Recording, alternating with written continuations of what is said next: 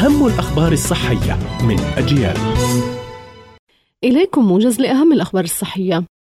أخصائية تغذية ورعاية مرض سكري روسية تقول إن أحد الأعراض المفاجئة لمرض السكري يمكن أن يكون تساقط الشعر وبينت الطبيبة أنه غالبا ما يرتبط تساقط الشعر بداء السكري من النوع الأول أو النوع الثاني. ويعتقد أن بعض المشكلات التي يسببها مرض السكري قد تؤدي إلى تساقط الشعر بما في ذلك اضطراب في الجهاز المناعي يسمى داء الثعلبة وضعف الدورة الدموية وارتفاع نسبة السكر في الدم.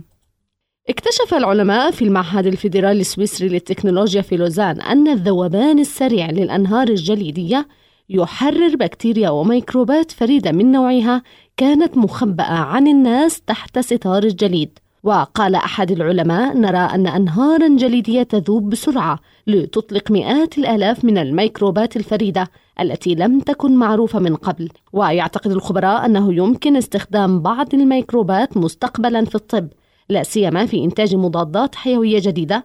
مع ذلك فإن بعض الباحثين يخشون من أن البشر والحيوانات ليسوا محصنين ضد الميكروبات التي تخفيها الأنهار الجليدية مدى ملايين السنين. للشيح فوائد عديدة للبشرة حيث أنه يساعد في علاج العديد من الأمراض الجلدية كمرض الصدفية وأحب الشباب والتقرحات الجليدية.